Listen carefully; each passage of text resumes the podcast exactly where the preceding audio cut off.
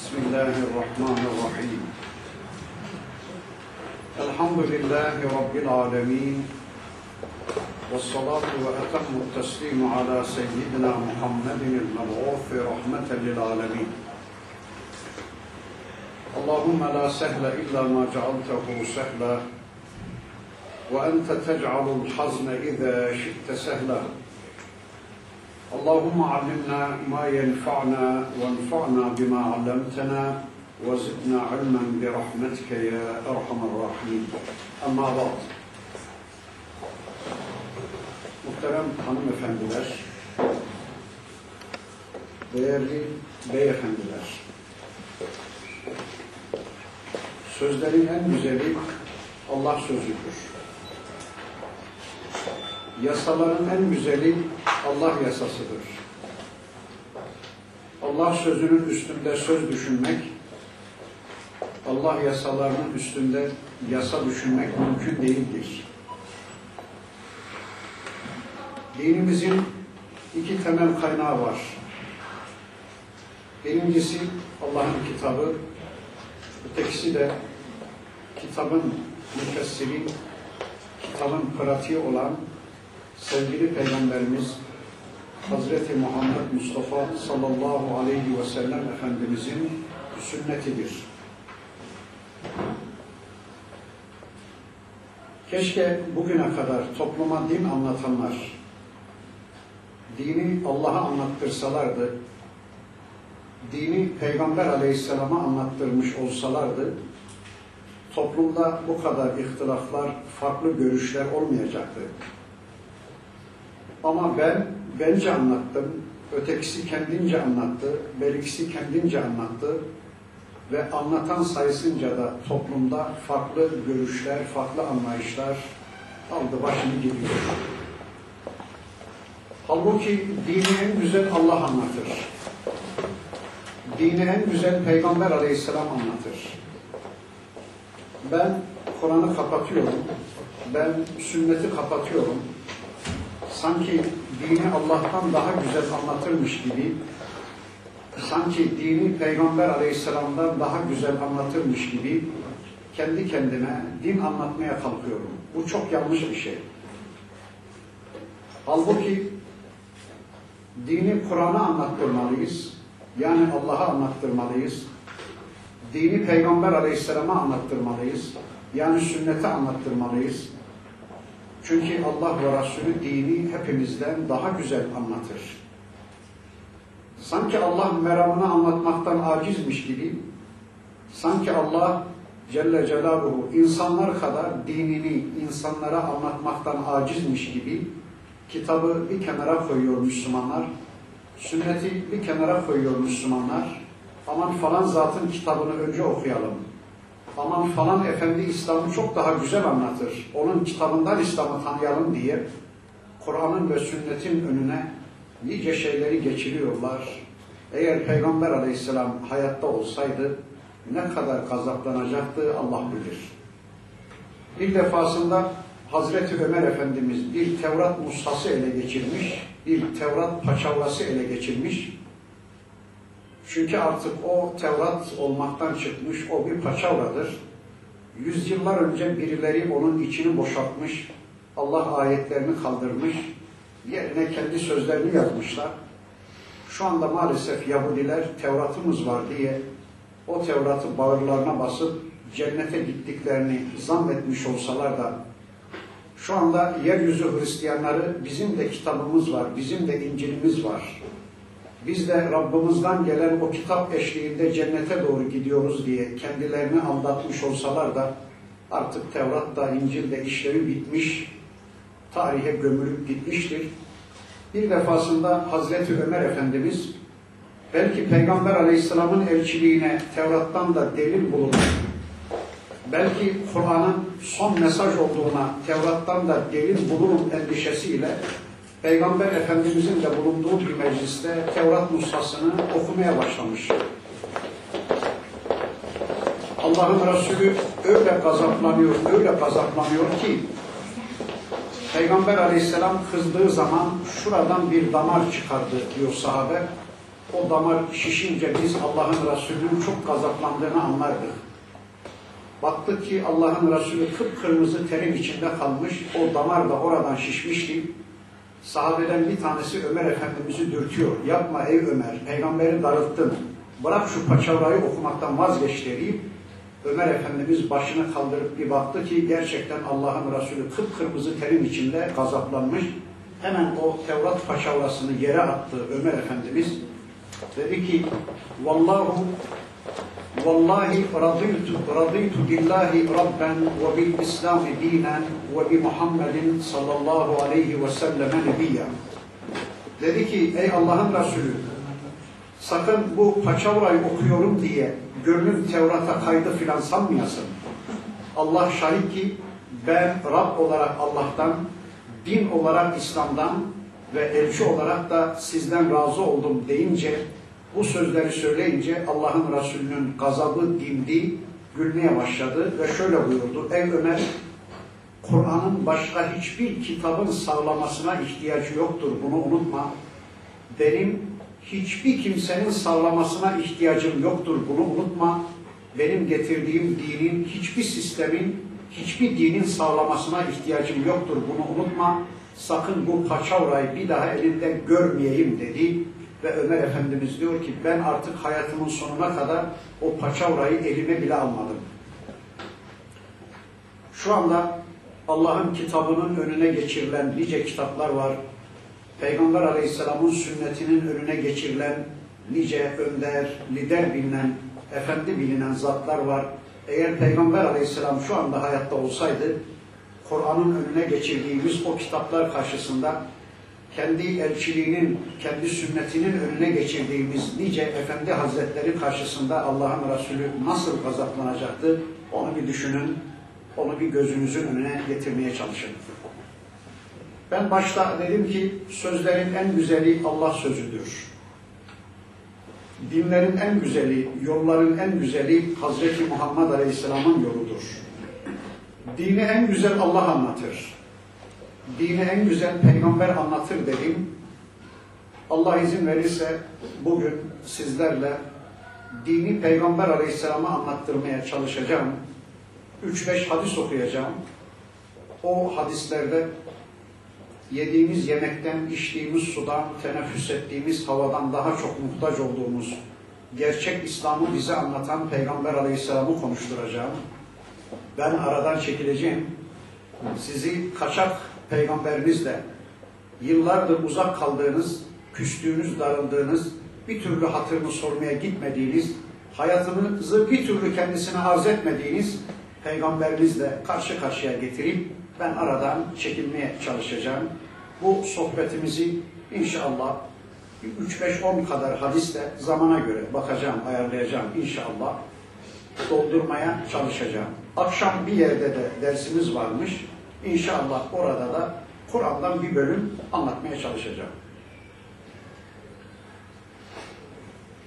Kenzül Ummal isimli bir hadis kitabı var. O kitaptan aldığım bir hadislerinde bakın Allah'ın Resulü şöyle buyuruyor. Bugün sizinle paylaşmayı düşündüğüm ilk hadislerinde Allah'ın Resulü şöyle buyuruyor güvenilirliği olmayan kişinin imanı yoktur. Temizliği olmayanın namazı yoktur. Namazı olmayanın dini yoktur. Dinde namazın yeri, bedende başın yeri gibidir. Hadislerin Arapçasını okumuyorum. Anlayalım diye sadece Türkçeleriyle iktifa ediyorum. Bir daha okuyayım hadisi. Güvenilirliği olmayan kişinin imanı yoktur yani eğer bir adam çevresine güven verememişse onun imanı yokmuş. Zaten mümin kelimesinin böyle bir anlamı var değil mi? Mümin emin kökünden gelir. İki anlamı var mümin kelimesinin. Birincisi Allah güvencesinde hayat yaşayan kişi demektir mümin. Hani gelin bizim bankanın güvencesinde olun filan diye bir söz söylerler ya, sanki bir güvenceler varmış gibi Mümin Allah güvencesinde bir hayat yaşayan kişinin adıdır. Mümin. emin kökünden gelip Allah güvencesinde bir hayata yönelmiş kişi. Yani gözü kapalı Allah'ın emir ve yasaklarına teslim olan, o benim Rabbim olduğuna göre, o benim sahibim olduğuna göre, benim hayrımı, şerrimi, benim menfaatimi, zararımı benden daha iyi bildiğine göre ben onun emir ve yasaklarına gözü kapalı teslim oluyorum diye Allah güvencesinde bir hayata yönelen kişiye mümin denir. Bir de mümin kelimesinin bize raci yönü var, bize yönelik yönü var. O da çevresine güven veren kişidir mümin. Emin kökünden gelir. Çevresine güven veren kişiye mümin denir. Bakın Allah'ın Resulü henüz peygamber olmadan önce Mekke'de Mekke müşrikleri tarafından ona verilmiş bir isim vardı. Neydi? Muhammedül Emin. Emin Muhammed. Güvenilir Muhammed. Çevresine güven veren Muhammed. Allah'ın Resulü Mekke müşrikleriyle kanlı bıçaklı kavgalı olduğu günde bile yani peygamber olmadan önce zaten emindi, peygamber olduktan sonra zaten yine emindi de Mekke müşrikleriyle kanlı bıçaklı kavgalı oldukları bir dönemde bile tarihten intikal eden bilgilere göre Mekke müşrikleri en kıymetli eşyalarını, en kıymetli mücevherlerini ve emanetlerini götürüp Peygamber Aleyhisselam'ın evine teslim ediyorlardı. Bakın İslam tarihi kitapları bize şu hatırayı anlatır. Bir gün Ebu Cehil sırtına aldığı ağır bir çıkınla, ağır bir yükle gün batarken Peygamber Efendimizin evine doğru süzülüp giderken yolda Ebu Sufyan'la karşılaşır. Ebu Sufyan sorar, hayrola Ebu Cehil bu saatte gün batarken sırtında ağır bir çıkınla nereye böyle? Ebu Cehil der ki sus Ebu Sufyan yavaş konuş kimse duymasın. Yemen taraflarından bir kısım mücevherler geldi. Ne oğluma, ne kızıma, ne karıma, ne damadıma hiç kimseye güvenemedim. Bu şehirde güvenilecek bir tek insan var Muhammedül Emin. Şu emanetleri onun evine emanet etmeye gidiyorum. Ebu Sufyan der ki Ebu Cehil bize gülerler gülerler. Geçenlerde aynısını ben de yaptım. Hem adamı reddediyoruz, hem Muhammed'i inkar ediyoruz, hem de bu şehirde ondan başka güvenilecek bir tek insan kalmadı diye en kıymetli mücevherlerimizi, emanetlerimizi götürüp onun evine teslim ediyoruz. Bize gülerler gülerler diyor Ebu Sufyan. Bakın kanlı bıçaklı kavgalı oldukları bir ortamda bile en kıymetli eşyalarını götürüp Peygamber Aleyhisselam'ın evine teslim ediyorlardı. Yine İslam tarihi kitaplarının beyanına göre Allah'ın Resulü Mekke'den Medine'ye hicret emrini alınca Ali Efendimiz'i çağırıyor. Diyor ki gel ya Ali bu gece benim yatağımda yatacaksın. Korkma kimse senin kılına bile dokunamayacak. Ve sabahleyin ilk işin şu filanın, şu filanın, şu filanın, şu filanın, şu emanetleri sahiplerine teslim etmek olsun. Allahu Ekber. Biz olsak ne yaparız? Ya bunlar zaten gavur malı. Bunlar ganimettir de götürür onları Medine'de çıtır çıtır yeriz değil mi? Ama Allah'ın Resulü Muhammedül Emin'di. İster dost, ister düşman, ister mümin, ister kafir fark etmez. Hepsinin emanetlerine riayet ediyor. Ali Efendimiz'e diyor ki, sabahleyin insanlar kalkınca benim Mekke'yi terk ettiğimi duyunca eyvah bizim mallar gitti diye üzülmesin. İlk işin daha insanlar kalkmadan şu emanetleri sahiplerine bir tevdi etmek olsun. Biz olsak farklı davranırız değil mi? Ama Allah'ın Resulü Muhammedül Emin'di. Dosta da düşmana da sadık davranan bir peygamberdi Allah'ın Resulü. Bakın hadisin birinci bölümüne bir daha intikal edeyim. Güvenirliliği olmayanın imanı yoktur. Yani çevresine güven verememiş kişinin imanı yokmuş. Bunu biraz daha özelleştireyim. Tanıdığım, tanımadığım yığınlarla insanlar eğer karısını, kızını gözü kapalı bana güvenip teslim edemiyorlarsa ben şu ana kadar o insanlara bu güveni, bu emniyeti verememişsem ben mümin değilmişim. Tanıdığım, tanımadığım yığınlarla insanlar çuvallarla markını, dolarını, eurosunu güvenip bana teslim edemiyorsa ben şu ana kadar insanlara bu güveni verememişsem ben mümin değilmişim. Bakın Hadis o kadar açık ve net ki çevresine güven verememiş kişinin imanı yoktur. Güvenirliliği olmayan kişinin imanı yoktur. Öyleyse Allah için herkes kendisini bir daha kontrol etsin. Ben gerçekten mümin miyim, değil miyim diye insanlar kendilerini bir daha gözden geçirsin. Yani üç kuruşluk dünya menfaatleri karşılığında 3-5 metrekare arsa karşılığında, 3-5 gram altın karşılığında güvenilirlik duygularımız nasıl erozyona uğramış, müminlik özelliğimiz nasıl Allah korusun yerlere düşmüş, onu herkes bir daha gözden geçirsin. Ben hadisin bu bölümünü bir daha okuyup geçiyorum. Güvenilirliği olmayanın imanı yoktur. Temizliği olmayanın namazı yoktur. Bakın namaz hadesten taharet, necasetten taharet dediğimiz iki temizlikle birlikte kılınan namaz sadece müminler için söz konusu. Yani rukulu ve secdeli bir ibadet türü olan namaz sadece müminler için söz konusu olduğuna göre dünyanın neresine giderseniz gidin temizliğin tesine bile rastlayamazsınız. Ben dünyanın birçok yerlerine gidiyorum. Hemen hemen gitmediğim yer kalmadı diyebilirim. Konferans maksadıyla gittim. Doğusuna da, batısına da, kuzeyine de, güneyine de gittim. Yani Yahudilik dünyaya da, Hristiyanlık dünyaya da, ateist dünyaya da gittim. Dünyanın hiçbir yerinde, Müslümanların dışında temizliğin tesine bile rastlayamazsınız. Çünkü ruku ve secdeli bir ibadet türü, yani namaz dediğimiz bir ibadet türü, sadece Müslümanlar için söz konusu olduğuna göre ve o ibadet de hadesten taharet, necasetten taharet dediğimiz iki temizlikle icra edildiğine göre temizlik sadece Müslümanlar için söz konusu. Küfür dünyada, Hristiyanlık ve Yahudilik dünyada temizlik mefhumuna rastlayamazsınız. Yoktur. İşte bakın Allah'ın Resulü buyurur ki temizliği olmayanın namazı yoktur. Ben uzun uzun fıkıh dersi yapacak değilim. Sadece şu kadarını söyleyeyim. Eğer sıvı pislikse el ayası kadar insanın bedeninde, insanın üzerinde ya da namaz kılada, seccadede şu el ayasını aşacak kadar bir sıvı pislik varsa namaza engel, eğer katı pislikse 2 onda 8 gram ağırlığında yani nohut büyüklüğünde ise yine namaza engel. Evet temizliği olmayanın namazı yoktur. Namazı olmayanın dini yoktur. Dinde namazın yeri bedende başın yeri gibidir. Bakın bir beden için baş ne ifade ederse bir din için namazda oymuş. Bir adamın başını aldığınız zaman geri kalan bedeni nasıl yaşayamazsa bir adamın namazını aldığınız zaman onun ne dini ayakta kalır ne de imanı. Dinde namazın yeri bedende başın yeri gibidir diyor ya Allah'ın Resulü.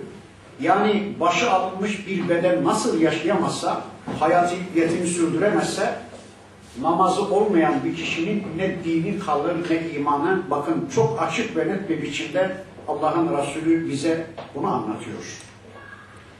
Namaz o kadar önemli ki Hazreti Adem atamızdan bu yana her bir peygambere Cenab-ı Hakk'ın ilk ameli farizası namazdır. Yani ilk defa Allah her bir peygambere namazı emretmiş. Çünkü namaz Allah'a yöneliştir. Namaz Allah'a aidiyettir. Namaz kılan bir mümin ben Allah'a aidim demeye çalışıyor. Namaz bedende Allah'ı söz sahibi bilmenin ifadesidir. Çünkü namaza durmuş bir Müslüman ne sağa ne sola bakamaz, ne yer ne içer ne konuşabilir, ne de başka bir işle iştigal edebilir. Namaz tüm bedenin Allah'a tahsisidir. Tüm bedende Allah'ı egemen bilmenin ifadesidir. Namaz namaz öncesi hayatın tekmilini vermek, namaz sonrası hayatın da düzenlenmesi adına Allah'tan mesaj almaktır. Namaz Allah'la diyalogdur. Namaz Allah'la iletişimdir. Namaz müminin imanının dışa sızan bölümüdür. Namaz müminin imanının dışa yansıyan bölümüdür. Bir adamda iman var mı yok mu anlamak için namazına bakıverin diyor Allah'ın Resulü. Çünkü namaz müminin kimliğidir, imanının dışa sızan bölümüdür. Mekke müşrikleri Müslümanları da namazla tespit ediyorlardı. Bir adamın beş vakit peşine düştüğünüz zaman yani bir vakit bile olsa bir adam peşine düşün o adam imanının ipucunu namazla gündeme getirecektir. Mutlak namaz kılacaktır. Yakalayın bir Müslüman da orada var diye Mekke müşrikleri namazıyla Müslümanları tespit ediyorlar. Namaz müminin imanını deşifre ediyor. Çünkü namaz müminin imanının dışa sızan bölümü kopyasıydı. İşte bakın Peygamber aleyhisselam diyor ki namaz olmayanın dini yoktur. Dinde namazın yeri bedende başın yeri gibidir. Bir adamın başını aldığınız zaman beden nasıl yaşayamazsa bir adamın namazı yoksa onun dini de imanı da ayakta kalmamıştır. Evet, hadislerden bugün sizinle paylaşmayı düşündüğüm hadislerden bir tanesi böyleydi. İnşallah anladık. İkinci hadise intikal ediyorum. Allah'ın Resulü bakın bir başka hadislerinde de şöyle buyuruyor. Dünya ve dünyalıklar konusunda kendinizden aşağıda olanlara bakınız. Kendinizden yukarıda olanlara, kendinizden zengin olanlara bakmayınız. Bu elinizdeki Allah nimetlerini hor görmemenize, o nimetlerin kadri kıymetini anlamanıza daha uygundur. Kafamızda kalsın diye bir daha okuyayım hadisi. Dünya ve dünyalıklar konusunda kendinizden aşağıda olanlara, kendinizden fakir olanlara bakınız. Kendinizden yukarıda olanlara, kendinizden zengin olanlara bakmayınız. Bu elinizdeki Allah'ın verdiği nimetlerin kadru kıymetini anlamanıza, o nimetleri hor görmemenize daha uygundur. İnşallah anladınız. Ben, bakın, elimdeki Allah'ın bana verdiği nimetlerin kadru kıymetini anlamak için, o nimetlere hor bakmamak için devamlı kendimden aşağıda olanlara, kendimden fakir olanlara bakacakmışım. Kendimden üstün ve zengin olanlara bakmayacakmışım. O zaman ben imanımın izzet ve şerefini yaşama imkanı bulabilecekmişim. Öyle değil mi? Bakın, bana verilenler birilerine bakış ne kadar çok ama birilerine bakış ne kadar az değil? Yani benden zenginlere baktığım zaman bana verilenler az gibi, benim elimdeki nimetler az gibi ama benden daha fakir, daha gariban, daha aşağıdaki insanlara baktığım zaman bana verilen nimetler ne kadar çok değil mi? Benim evim modeli, yahu filanların bir çadırı bile yok ya dedim mi ne kadar rahat ederim değil mi? Benim arabamın markası, yahu filanların bisikleti bile yok ya dedim mi ne kadar rahat ederim? Benim aylık gelirim şu kadar, yahu falanlar benimkinin onda birini bile alamıyor ya dedim mi ne kadar rahat ederim değil mi? Yani ben kendimden aşağıdakilere baktığım zaman Allah'ın bana verdiği nimetlerin çok çok büyük olduğunu anlarım. Ama kendimden yukarıdakilere, kendimden daha zenginlere, daha üstünlere baktığım zaman belki bu nimetlerin kadri kıymetini bilme fırsatım olmayacak ya da eziklik duyacağım, şahsiyetim bozulacak.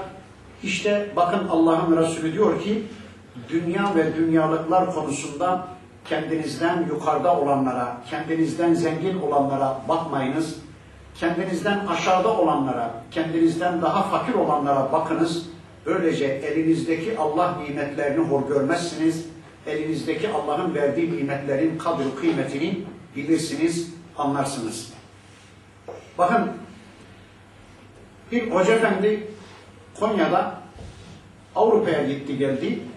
Bir başka arkadaşla birlikte bir ziyaretine gidelim, bir hoş geldin diyelim. Ne görmüş, ne geçirmiş, neler anlatıyor. Bir gidelim dedik. İki arkadaş birlikte Hoca Efendi'nin evine gittik. Etrafında 10-15 tane insan onlara anlatıyor. Biz de oturduk, dinliyoruz. Yani inanın öyle anlatıyor ki Avrupa'yı Almanya'ya gitti. Öyle anlatıyor ki işte yolları şöyle, köprüleri şöyle, ekonomileri şöyle, işte eğitimleri şöyle, hukuk düzenleri şöyle öyle anlatıyor ki eğer Almanya'yı daha önce görmemiş, 10 yıl Almanya'da ikamet etmemiş birisi olsaydım neredeyse ben de inanacaktım. Ya ben Almanya'yı tanıyorum. Yani öyle abarttı ki hadi oralarda sabrettim en son bir cümle söyledi artık sabrım bitti. Dedi ki ya bütün nimetler kafirlere verilmiş. Müslümanlara hiçbir nimet verilmemiş demez mi? Bu cümleyi duyunca artık dayanamadım. Hocam bir dakika dedi. Bir dakika durdu buyur dedi. Ya sen ne söylüyorsun dedim. Bütün nimetler kafirlere verilmiş. Müslümanlara hiçbir nimet verilmemiş. Bu ne biçim laf dedim ya. Bu materyalistçe bir bakış açısı. Nimet deyince sadece maddeyi, parayı anlıyorsan tamam ama ya ilim nimeti bizde, takva nimeti bizde, haya nimeti bizde, utanma nimeti bizde, hidayet nimeti bizde, iman nimeti bizde, Kur'an nimeti bizde, sünnet nimeti bizde. Mezar nimeti bizde, sırat nimeti bizde, haşır nimeti bizde, mizan nimeti bizde, cennet nimeti bizde, sayılamayacak kadar binlerce Allah'ın nimeti bizde. Oldum olası bir paraları var, bir dünyalar var. Geberdikleri anda onu da kaybedip cehenneme gidecekler. Yani bütün nimetler kafire verilmiş, Müslümanlara hiç nimet verilmemiş sözüyle neyi kastettin anlayamadım falan deyince o da toparladı. Estağfurullah dedi ya ben bu açıdan bakmamıştım olaya. Yani erdemli davrandı yine estağfurullah dedi. Ya kafire ne nimet verilmiş de Allah için bir düşünün ya. Maalesef Müslümanlar nimet deyince sırf maddeyi anlıyor. Kafirlerin malları karşısında gözleri kamaşıyor, şahsiyetleri bozuluyor. Öyle değil ya. Bakın ben mukayeseyi şöyle yapayım. Bakın Allahu Teala Hazretleri diyor ki Kur'an'da kafirin iki dünyası olsa yani şu anda üstünde gezdiğimiz, dolaştığımız dünya tümüyle bir tek kafirin olsa ve mitlehu ma'hu diyor Kur'an'da bir misli daha olsa yani bir kafirin iki dünyası olsa yarın bu iki dünyayı fidye olarak verecekmiş o kafir al ya Rabbi iki dünya feda olsun, fidye olsun yeter ki beni şu azaptan kurtar, beni cennete ulaştır diyecekmiş. Allah diyor ki kesinlikle iki dünyası kabul edilmeyecek. İki dünya kafiri cehennemden kurtaramayacak. Kafiri ateşten kurtaramayacak, cennete götüremeyecek ama bir Müslümanın yarım vurması, yarım vurması. Ne diyor Peygamberimiz hadiste? İttakun nara velev bişikkı temratin. Yarım vurmayla da olsa kendinizi cehennemden koruyun. Yarım vurma. Allah Allah. Ya çok mu az geldi? Hayır. Ne kadar çok ki sizi cehennemden kurtarıyor. Ya yarım vurma. Farz edin ki bir Müslümanın bir tek kurması vardı. Ona ihtiyacı varken böldü yarısını bir kardeşine ikram etti. Yarım vurmaya. Ama kişiyi cehennemden kurtaracak, mümini cennete ulaştıracak. Peki kime çok nimet verilmiş? Allah için bir düşünün. Yarım vurması bir mümini cehennemden kurtarıyor, cennete götürüyor. Ama iki dünyası olsa bir kafirin yarın onları fidye olarak verse o kabul edilmeyecek. O kafiri cehennemden kurtarmayacak. O iki dünyası cennete götürmeyecek. O zaman Allah için düşünün ya. Kime çok nimet verilmiş? Müslümana çok nimet verilmiş ya. Şu örneği her zaman söylüyorum. Bakın bir hadis var. Allah'ın Resulü buyururlar ki dünyada akıl bali olduğu günden itibaren zindana atılmış yani imanından dolayı, takvasından ve teslimiyetinden dolayı zindana atılmış, bir ömür boyu zindanda kırbaçlar altında çürümüş, gitmiş bir insan düşünün, bir Müslüman düşünün. Böyle biriler var mı şu anda? Belki bu tarihte yoktur ama geçmiş dönemlerde çok olmuş. Akıl bali olduğu günden itibaren zindana atılmış, bir ömür boyu gün yüzü, güneş yüzü görmeden kırbaçlar altında imanından dolayı kırbaçlar altında zindanda çürümüş gitmiş bir insan düşünün. Yarın diyor Peygamberimiz Allah onu şöyle cennete bir saniyeliğine bir daldırıp çıkaracak ve soracakmış. Ey kulum sen dünyada hiç işkence çektin mi, azap çektin mi? Hayır vallahi ya Rabbi ben dünyada bir saniye bile işkence yüzü, azap yüzü görmedim. Allahu Ekber. Bir ömür zindanda çürümüş gitmiş bir adam bir saniyeliğine cenneti görüverince şöyle bir daldırıp çıkaracakmış Allah. Göz açıp yumacak kadar kısa bir süreliğine ve soracakmış. Ey kulum sen hiç işkence azap çektin mi? Hayır vallahi ya Rabbi ben azap diye bir şey görmedim. Allahu Ekber. Tüm geçmişi unutturuverecekmiş cennetin güzelliği. Bir saniyeliğine, bir saniyeliğine. Aynı hadisin devamında diyor ki dünyada bir melik düşünün, bir sultan düşünün ki Üstelik bir dünya devletinin de meliki. Şu anda yok ama eskiden tüm dünya egemen melikler, sultanlar varmış. Öyle bir melik düşünün, öyle bir sultan düşünün ki şu kapı açık dursa devamlı olmaz mı? Her gelen açacak mıyız böyle? Komple. Açık dursun.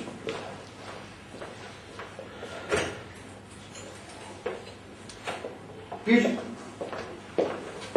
dünya devletinin meliki düşünün, bir dünya devletinin sultanı düşünün, bir ömür saltanat yaşamış, bir eli yarda, bir eli balda, istediği her şeye ulaşabilmiş, arzu ettiği her şeyi bu dünyada gerçekleştirebilmiş bir melik düşünün diyor Peygamberimiz. Yarın onu da şöyle cehenneme bir saniyeliğine bir daldırıp çıkaracakmış Allah. Sonra soracakmış, ey kulum sen dünyada hiç saltanat yaşadın mı? Gün yüzü gördün mü? Hayır vallahi ya Rabbi ben Dünyada bir saat de olsa saltanat yaşamadığım gün yüzü görmedim. Allahu Ekber. Bir ömür dünyada istediği her şeye ulaşabilmiş bir melik bir saniyeliğine cehennem azabını görünce tüm geçmişi sıfırlanacak, tüm geçmişini unutacaksa mümin vefat edince cennete gidiyor, kafir de geberince cehenneme gidiyorsa Allah için söyleyin hangisine çok nimet verilmiş, hangisi çok nimete mazhar olmuş Allah için bir söyleyin. Evet ben ikinci hadisi de burada bırakıyorum. Ama hadisi bir de okuyayım kafanızda canlı kalsın diye. Allah'ın Resulü buyurdu ki dünya ve dünyalıklar konusunda kendinizden aşağıda olanlara bakınız. Kendinizden fakir olanlara bakınız. Kendinizden zengin olanlara, kendinizden üstün olanlara bakmayınız. Bu elinizde Allah'ın verdiği nimetlerin kadro kıymetini bilmenize, o nimetlere hor bakmamanıza daha uygundur dedi. Bir üçüncü hadisi okuyorum. Sizin en hayırlınız kadınlarına karşı en hayırlı olanlarınızdır. Burada hanım kardeşlerim de var. Beyefendi kardeşlerim de var. İki tarafta inşallah bu hadisi dinlesin. Ben bu hadisi biraz şerh edeyim. Bakın diyor ki Allah'ın Resulü sizin en hayırlınız hanımlarına karşı en hayırlı olanlarınızdır. Valla ben aydan filan gelmedim. Ben de bu toplumun insanıyım. Ben de dahil bu konuda biz sınıfta kaldık. Yani Türkiye erkekleri olarak, Türkiye Müslümanları olarak biz gerçekten sınıfta kaldığımız bir hadisle karşı karşıyayız. Gerçekten bu konuda biz sınıfta kaldık. Ben biraz açıklayayım. Böyle bir fırsat elime geçti madem. Biraz bu konuyla alakalı inşallah bir şeyler söylemeye çalışayım. Hadis içinde hadis olacak belki ama bugün sadece hadis okuyacağım zaten. Bakın bir başka hadislerinde Allah'ın Resulü bu hususu anlatırken şöyle buyuruyor. Sizden biriniz akşam eve geldiği zaman karısı hanımı kapıyı açar. Beyefendi hanımının yüzüne güler yüzle bakar. Hanım da kocasının yüzüne, efendisinin yüzüne tebessümle güler yüzle bakarsa o gün sabahtan akşama kadar her ikisinin de işlediği günahlar bağışlanır. Allahu Ekber. Devam ediyor hadis. Eğer efendi hanımına selam verir, Esselamu Aleyküm der, hanım da kocasına ve aleyküm selam derse, o hafta içinde her ikisinin de işlediği günahlar bağışlanır. Allahu Ekber. Devam ediyor hadis. Eğer efendi hanımına el uzatır, hanım da kocasına el uzatır, böylece bir müsafaha yaparlarsa, bir tokalaşma gerçekleştirirlerse, o ay içinde her ikisinin de işlediği günahlar bağışlanır. Allahu Ekber. Ya, ya günahımız yok, affedilecek, ya da günahlarımızın affına ihtiyacımız mı yok bilmiyorum ama don yağı gibi giriyoruz, don yağı gibi çıkıyoruz. Don yağını bildiğini bilmem. Hadisin kaynağını verebilir miyim? Dedim mi? Kenzül Umma. Tabaşta söyledim. Umma. Kenzül Umma. Tamam yazdım. Başka bir... Biraz ortam sıcak oldu. Az terbiye edecek gibi. Evet. Yani gerçekten ya affedilecek günahımız yok ya da günahlarımızın affına ihtiyacımız mı yok bilmiyorum ama don yağı gibi giriyoruz dedim, don yağı gibi çıkıyoruz evlerimize. Sanki düşmanla karşılaşacakmışız gibi, sanki kadınlarımız bizim düşmanlarımızmış gibi Allah korusun böyle malaklı malaklı doşlara doşlara giriyoruz evlerimize, doşlara doşlara çıkıyoruz. Bu güzel değil, bu hoş değil. Ben bir yerlerde bu hadisi anlattım da bizim Bozkır tarafından bir Müslüman dedi ki ya hocam dedi domuz domuz dedi. Ah yüzüme bir baksa oynayacağım ama işte domuz domuz dedi yüzüme bakmaz ki. Ben dedim ki o domuz değil o insan doğru konuş dedim. Sen daha önce bu hadisi öğrendin mi? Hayır dedi. Peki hanımını anlattın mı? Hayır dedi. Ya sen bilmiyorsun hadisi hanım bilmiyor. Nasıl nasıl uygulayacaksınız? Şimdi öğrendim dedim. Bundan sonra inşallah böyle yapın dedim. ve Müslümanlar uygulamaya başladılar. İnşallah siz de uygulayın. Bakın günahlarınızın affına sebep olabilecek bir davranış. Üstelik çok da kolay. İnşallah bu akşam hem kadınlarımız hem de beyler bu hadisleri uygulansınlar. Bakın benim Konya'da çeşitli derslerim var.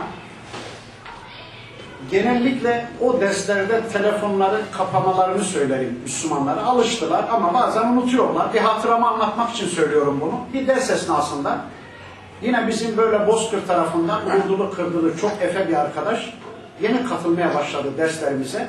Telefonu kapatmayı unutmuş. Tam ders esnasında telefon çaldı. Bana baktı. Dedim cevap ver madem kapatmayı unutmuşsun cevap ver. Kaldırdı telefonu öyle inceldi, öyle inceldi ki neredeyse kopacak. Hay hay efendim, tabii efendim, her rengimiz var efendim. Siz pazartesi günü ben sizi garajdan aldırırım efendim. Öyle inceldi ki, tabii müşteri var karşısında. Neyse ama hoşuma gitti. Böyle kaba saba bir arkadaşın böyle ince konuşması hoşuma gitti. Telefonu buraya koydu ama kapatmayı unutmuş. Şu Allah'ın takdirine bakın ki 5 dakika sonra telefon bir daha çaldı. Yine bana baktı. Bu son olsun dedim. Yine cevap ver ama bu sefer kapat dedim. Kaldırdı telefonu. Ne onun? Hı, hı, hı. Lan dedim bu karı mı neydi? Hocam ne bildin? Lan belli dedim de Allah'tan korkasıca. Belli ya. Ne hı. Öbürüne hay hay efendim, tabii efendim yarım saat gerdan kıran herif. Şimdi hanımına ne aradın, ne oldu? Hemen kapattı. Dedim Allah'tan korkasıca ya. Yani senin karın dedim, o inceliğe, o az evvelki nezakete, o efendiliğe, o müşterinden daha layık değil mi dedim ya. Gece gündüz senin hayat arkadaşın ya. Senin dininin yarısını sana veren, seni haramdan koruyan, seni doyuma ulaştıran, seni cennete ulaştıran hanımın dedim. Az evvelki o nezakete, o inceliğe, o müşterinden daha layık değil mi yahu dedim. Biz buyuz. Ya biz buyuz işte. Bir ara Akdeniz'de Şahin Otel var. Orada bir siyasal partinin milletvekilleri bir seminer yapmayı uygun bulmuşlar. Konya'dan beni çağırdılar. Ben de gittim. Allah'ın takdiri. Bu hadis denk geldi. Bu hadisi okudum. Aman işte kadınlarımıza karşı şöyle böyle anlattım. Milletvekillerinden bir tanesi dedi ki ya hocam bizim hanımlarımız o tür şeye alışkın değil. İstersen bir deneyelim dedi. Cep telefonunu çıkardı. Hanımı Konya'da hanımıyla üstelik hoparlörünü de açtı cep telefonunu. Bak dedi dikkat et falan. Neyse telefon çaldı. Karşı taraftaki Konya'daki hanım buyurun dedi. Şimdi bu buradan Hatunum, Sultanım, Devletlüm, Haşmetlüm falan demeye başlayınca ulan Lütfi dedi şu ağzının altındaki baklayı çıkar. Bu ne hayat böyle benim hiç alışık olmadığım. Neyse adını söylemeyecektim ama ağzımdan kaçtı. Zaten Konya'yı tanımazsınız be. Nereden tanıyacaksınız? Bir milletvekili arkadaş. Ulan Lütfi diyor şu ağzının altındaki baklayı bir çıkar hele. Bu ne hayat böyle diyor ya. Ben şimdiye kadar böyle konuşmalara alışık değilim. Gördün mü hocam diyor. Ya dedim doğru de. Bugüne kadar kadına hiç böyle konuşmamışım kardeşim. Hep kırıp dökmüşüm. Şimdi nezaketli bir konuşmayı görünce kadın şaşırdı elbette dedim. Diyeceğim o. Yani biz buyuz. Bakın bir defasında Ayşe annemizin evindeyken diyorlar ki Safiye geldi. Safiye annemiz de peygamberimizin bir başka hanımı. Diyorlar ki ya Resulallah Safiye geldi. Hemen fırlıyor peygamberimiz kapıya kadar gidiyor. Safiye annemizin elini sıkıyor. Hoş geldin Safiye. Alıyor içeriye. Sırtındaki cübbesini çıkarıyor peygamberimiz. Safiye annemizin altına seriyor. Safiye annemize izzet-i ikramda bulunuyor. Saatlerce onun problemlerini giderip sözünü dinledikten sonra kapıya kadar da uğurluyor. Ben bazen soruyorum Müslümanlara. Hiç içinizde pardüsünü çıkarıp, ceketini çıkarıp hanımının altına seren, böylece pardüsünü, ceketini hanımına ikram eden var mı içinizde diye kimi Müslümanlar diyorlar ki ölsem yapamam. Ölmez olmaz ol, yapmaz olmaz ol diyorum ben de. Yapamazsan cenneti de bulamam diyorum. Ya benim peygamberim böyle bir şey yapmış da ben kimim ki yapmayacakmışım ya? Benim peygamberim yapmış. Sırtındaki cübbesini çıkarıp hanımının altına sermiş, hanımına ikram etmiş. Ya biz de yapmak zorundayız. Evet, kazak erkek mi, süeter erkek mi neyse bir erkek cinsinden bahsederler ya ben onu anlamıyorum. Erkeklerimiz kadınlarına karşı iyi davransın. Sizin en hayırlınız hanımlarına karşı en hayırlı davrananınızdır. Ama hanımların en hayırlısı da kocalarının meşru dairedeki arzularına evet diyen, isteklerine itaat edenlerdir. Allah inşallah iki tarafa da basiret versin, yardımcımız olsun. Dördüncü hadisi okuyorum inşallah. Bir kişinin çocuğunu Müslümanca terbiye etmesi kendisi için tonlarca altın zekat dağıtmasından daha hayırlıdır. Hadisi ağır ağır bir daha okuyayım. Bir kişinin çocuğunu Müslümanca eğitip terbiye etmesi kendisi için tonlarca altın zekat ya da hayır dağıtmasından daha hayırlıdır. Yani bir adam düşünün ki tonlarca altın zekat dağıtıyor kendisi için, kendi hayrı için. İkinci bir adam daha düşünün ki çocuğunu Müslümanca eğitiyor. İkinci adam birinci adamdan üstünmüş. Anladınız mı? Bir kişinin çocuğunu Müslümanca eğitip terbiye etmesi kendisi için tonlarca altın zekat dağıtmasından, infakta bulunmasından hayırlıymış. Peki şimdiye kadar hiç öyle düşünmedik değil mi? Ne kadar çok infak edersek, ne kadar çok zekat dağıtırsak Allah'a o kadar yaklaşacağız endişesiyle çoğumuz hatta evlerimizi otel olarak bile kullandık. Koltuğumuzun altında çocuklarımıza akşam iki ayet, iki hadis götürelim diyemedik. Dünyalık işler öylesine boyunlarımıza dolandı ki aman daha çok kazanalım, daha çok infak edelim, daha çok zekat dağıtalım. Böylece daha çok Allah'a yaklaşırız düşüncesiyle evlerimizi otel olarak kullandık. Çocuklarımızın dini hayatıyla ilgilenmekten bile vazgeçiverdik. Meğer tam tersiymiş. Öyle değilmiş mesele. Öyle değilmiş mesele. Bir kişinin çocuğunu, kızını ya da oğlunu Müslümanca eğitip terbiye etmesi kendisi için tonlarca altın zekat dağıtmasından, sadaka dağıtmasından çok daha hayırlıymış. Bakın bizde şöyle bir anlayış var. Adam diyor ki İslam'da determinizm anlayışı yoktur. Önce onu bir söyleyeyim. Bakın İslam'da determinizm anlayışı yoktur. Ne demek o? Yani bir liralık zekat dağıtan bir liralık sevap kazanır. Bir liralık zekat dağıtan bin liralık sevap, bir milyar zekat dağıtan bir milyarlık sevap kazanır diye bir determinizm anlayışı, bir materyalizm anlayışı İslam'da yoktur. İslam'da ne var ya? İslam'da oran var, oran. Nasıl? Bakın, mesela benim cebimde farz edin 1 milyon Türk lirası var şu anda. Farz edin. Onun yarısı 500 bin. Ben onun yarısını yani 500 bini bir fakire infak ettim. Yani 500 lira. 1 liranın yarısı 500'ünü bir fakire infak ettim. Benim ulaştığım sevaba ulaşabilmesi için bir trilyonu olan bir adamın yarısını yani 500 milyarını cebinden çıkarması lazım ki benim ulaştığım sevaba ulaşabilmiş olsun. Anladınız mı? Örneği bir daha vereyim. Bir lira var yanında. Bir tek lira. Onun yarısı 500 kuruş mu eder? 500 lira değil. 50 kuruş. 50 kuruş öyle diyelim. 50 kuruş. Yani yarısını, bir liranın yarısını böldüm. O kadar vardı. Bir fakire infak ettim. Benim elde ettiğim sevabı elde edebilmesi için bir trilyonu olan bir adamın yarısını yani 500 milyarını cebinden çıkarıp infak etmesi lazım ki benim elde ettiğim sevabı elde edebilmiş olsun. Neden? Çünkü İslam'da oran var oran. Bakın benim gücüm ona yetiyordu.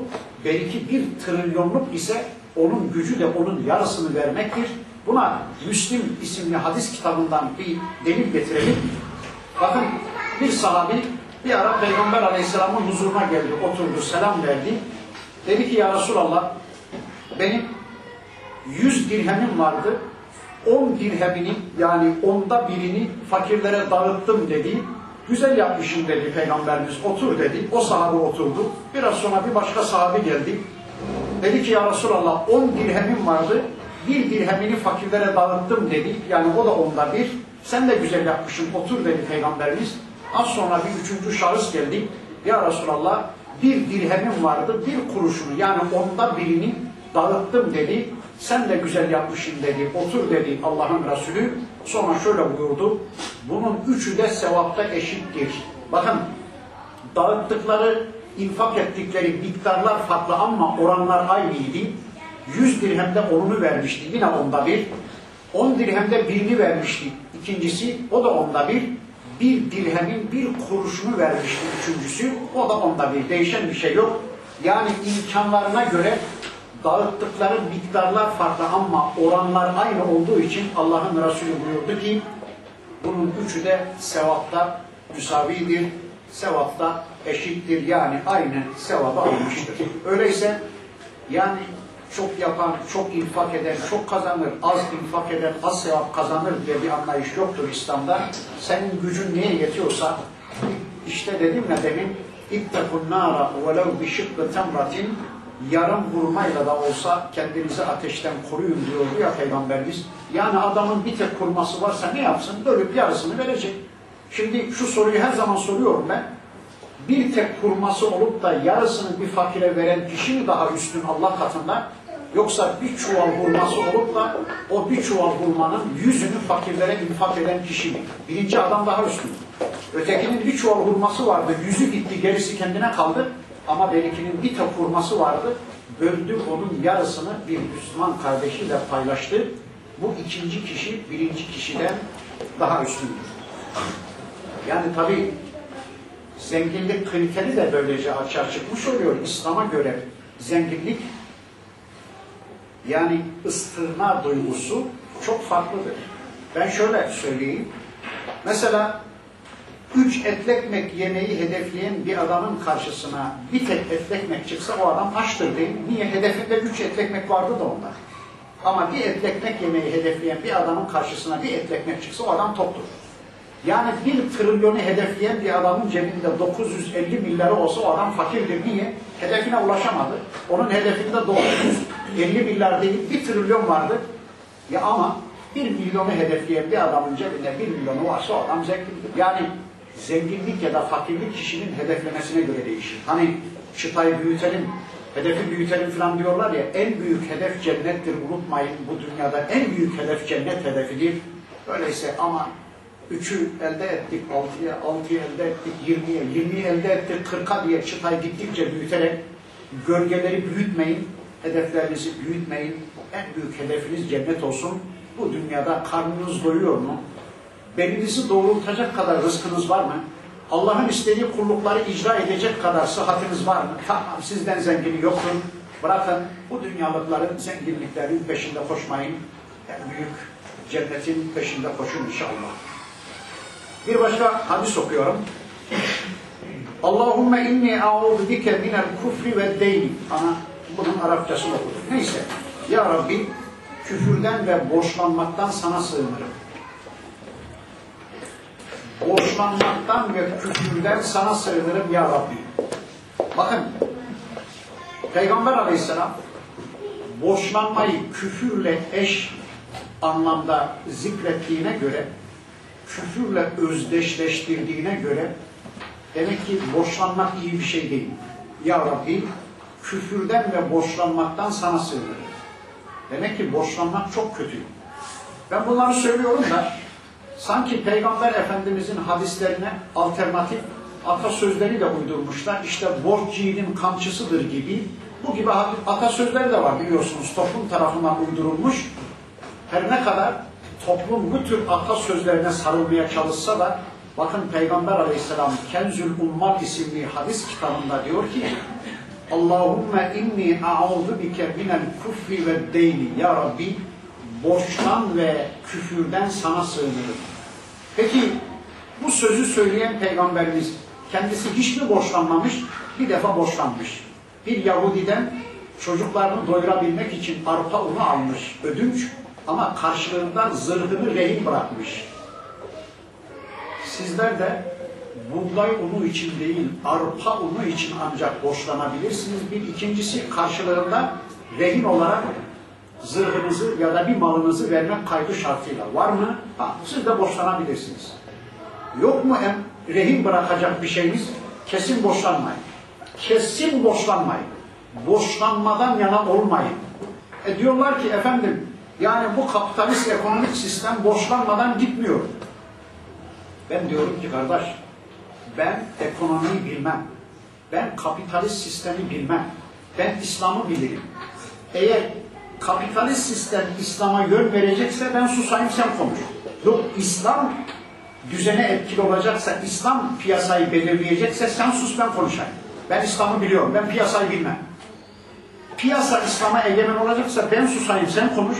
Yok İslam piyasayı yönlendirecekse, İslam ekonomiyi yönlendirecekse ben İslam'ı biliyorum kardeş diyorum. Sen sus ben konuşayım.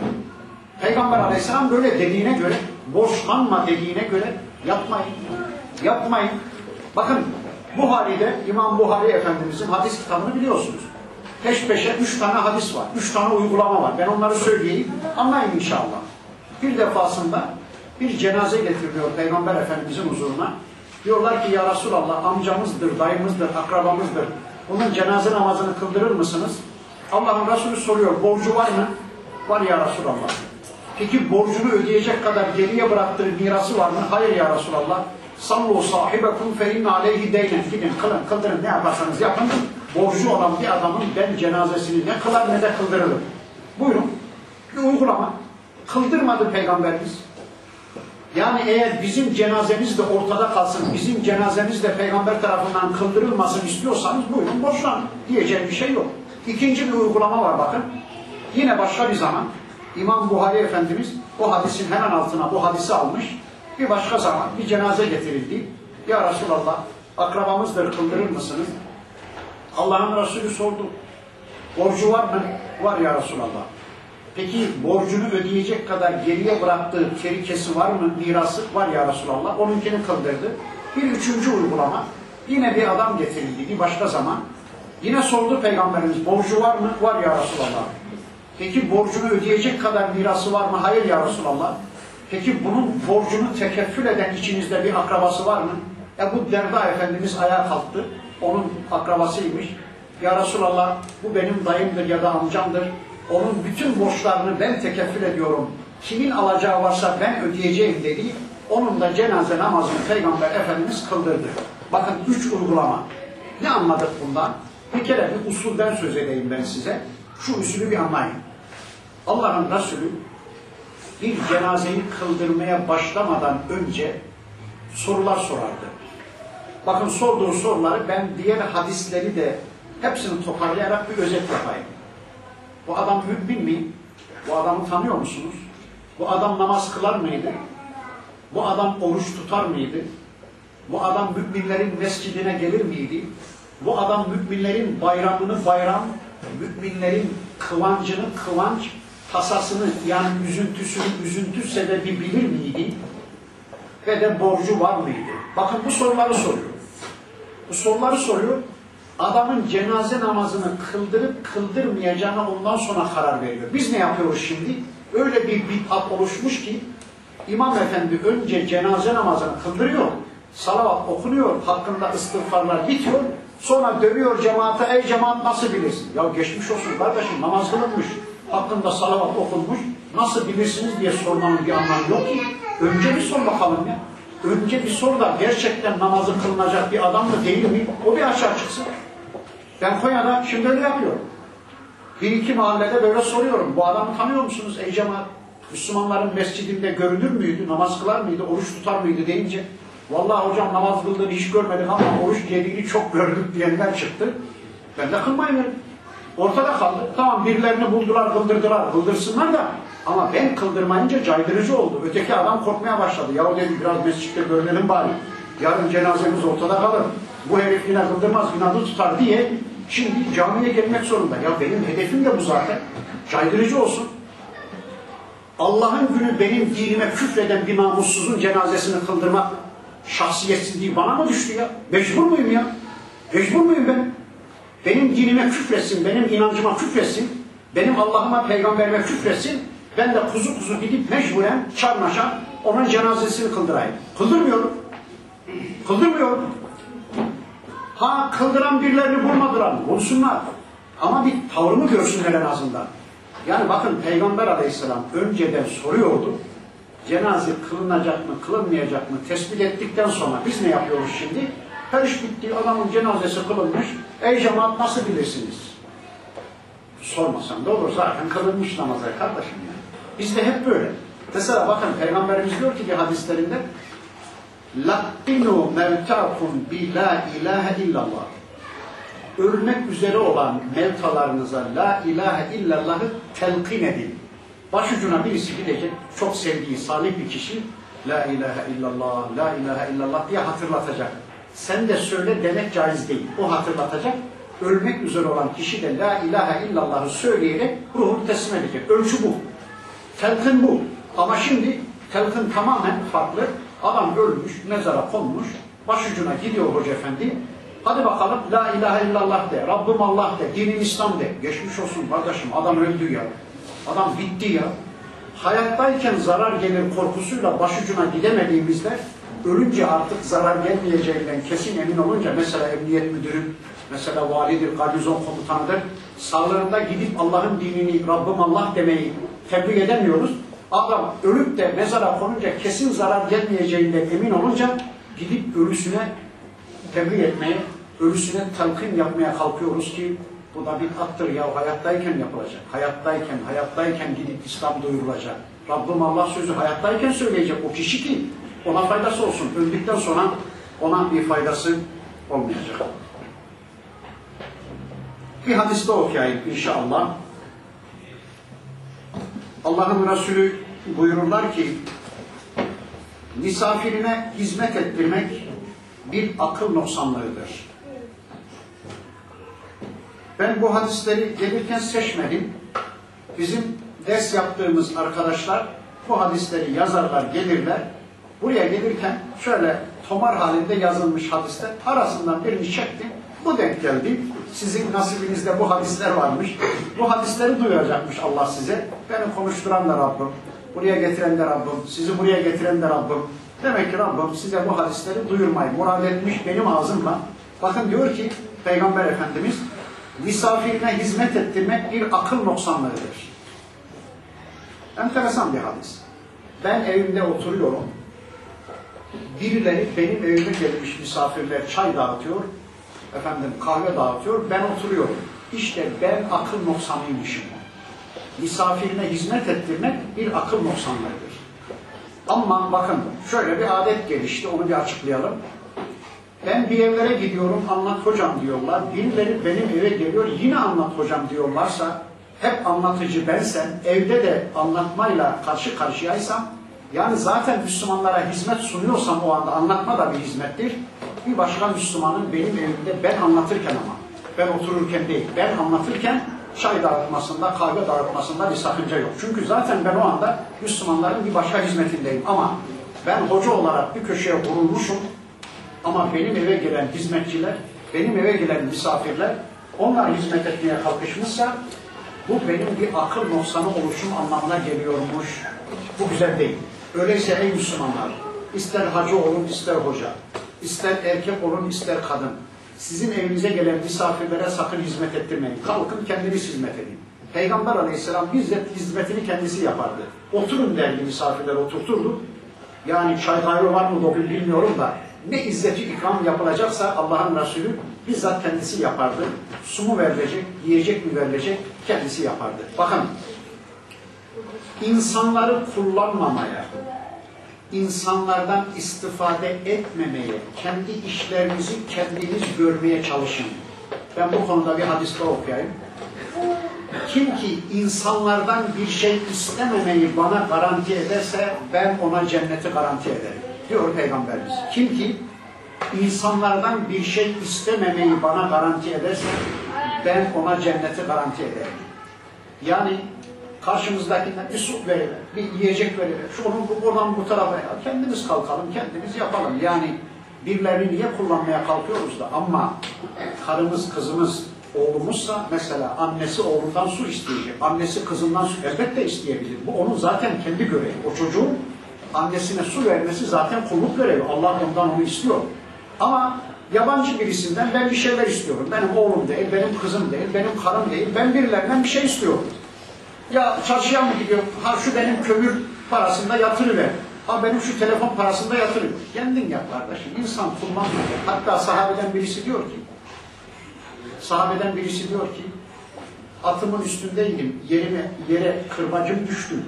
Onu aşağıda bana alıverecek birçok arkadaşım vardı. Severek yapacak. Kimseden yardım istemedim. Atımdan indim. Kendi kırbacımı kendim aldım diyor. Yani insan kullanmamaya gayret edelim. Kendi işlerimizi mümkün mertebe kendimiz yapmaya çalışalım. Kim ki insanlardan yardım istememeyi bana garanti ederse ben ona cenneti garanti ederim diyor Peygamber aleyhisselam. Son hadisi bir daha okuyup ben sözlerime son veriyorum. Misafirine hizmet ettirmek bir akıl noksanlığıdır. Aman ha evinize gelmiş misafirlere kendiniz hizmet edin. Ama demin de ifade ettiğim gibi kendiniz misafirlerin bir başka hizmetinde meşgulseniz ayet anlatma, hadis anlatma gibi, sohbet yapma gibi tamam sizin evinizde misafirler çay kahve ikram edebilir, hizmet edebilir ama siz oturuyorsanız bunu yapmayın. Allah'ın Resulü hiç yapmadı bunu. Hiç insan kullanmadı. Onun özel bir yeri yoktu, özel bir makamı yoktu. Kendisine biçilmiş özel bir pahadan yana değildi. Bakın otururken sahabe ile birlikte dışarıdan birileri geliyormuş. Peygamberimizi tanımayan birileri. Ebu Bekir Efendimiz'e yöneliyormuş ya Resulallah diye ya da Ömer Efendimiz'e. Ömer Efendimiz diyormuş ki ya peygamber orada. Peygamber orada. Özel bir giysisi yok, özel bir makamı yok, özel bir koltuğu yok, özel insanların kendisinin etrafında pervaneler gibi dönmesi yok. Yani sıradan birisi peygamberimiz. Ebu Bekir zannediyorlarmış, Ömer zannediyorlarmış, ona yöneliyorlarmış.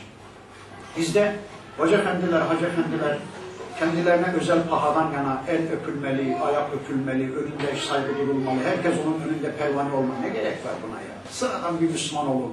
Sıradan bir Müslüman, Peygamber Efendimiz gibi sıradan bir Müslüman olun. İnsanların size özel muamelelerine izin vermeyin.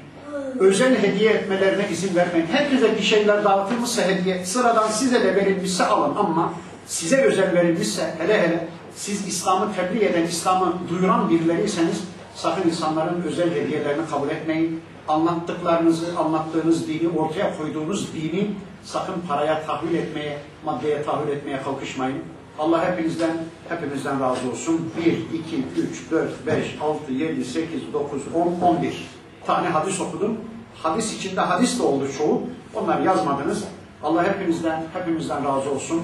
Allah azımızı çok kabul etsin. Ben bir saatten fazla uzayınca dikkatlerin dağılacağı kanaatiyle uzatmam. Bu kadarını inşallah azımızı çok kabul edin. Allah hepinizden razı olsun. Bir başka zaman, bir başka münasebetle karşı karşıya gelirsek ya Allah'ın kitabından bir bölüm ya da böyle Peygamber Efendimizin sünnetinden bir bölümle inşallah yeniden Rabbim karşılaştırır. Subhaneke Allahumma ve bihamdik. Eşhedü en la ilahe illa ente estağfiruke ve etubu ileyk. Velhamdülillahi Rabbil alemin. El Fatiha.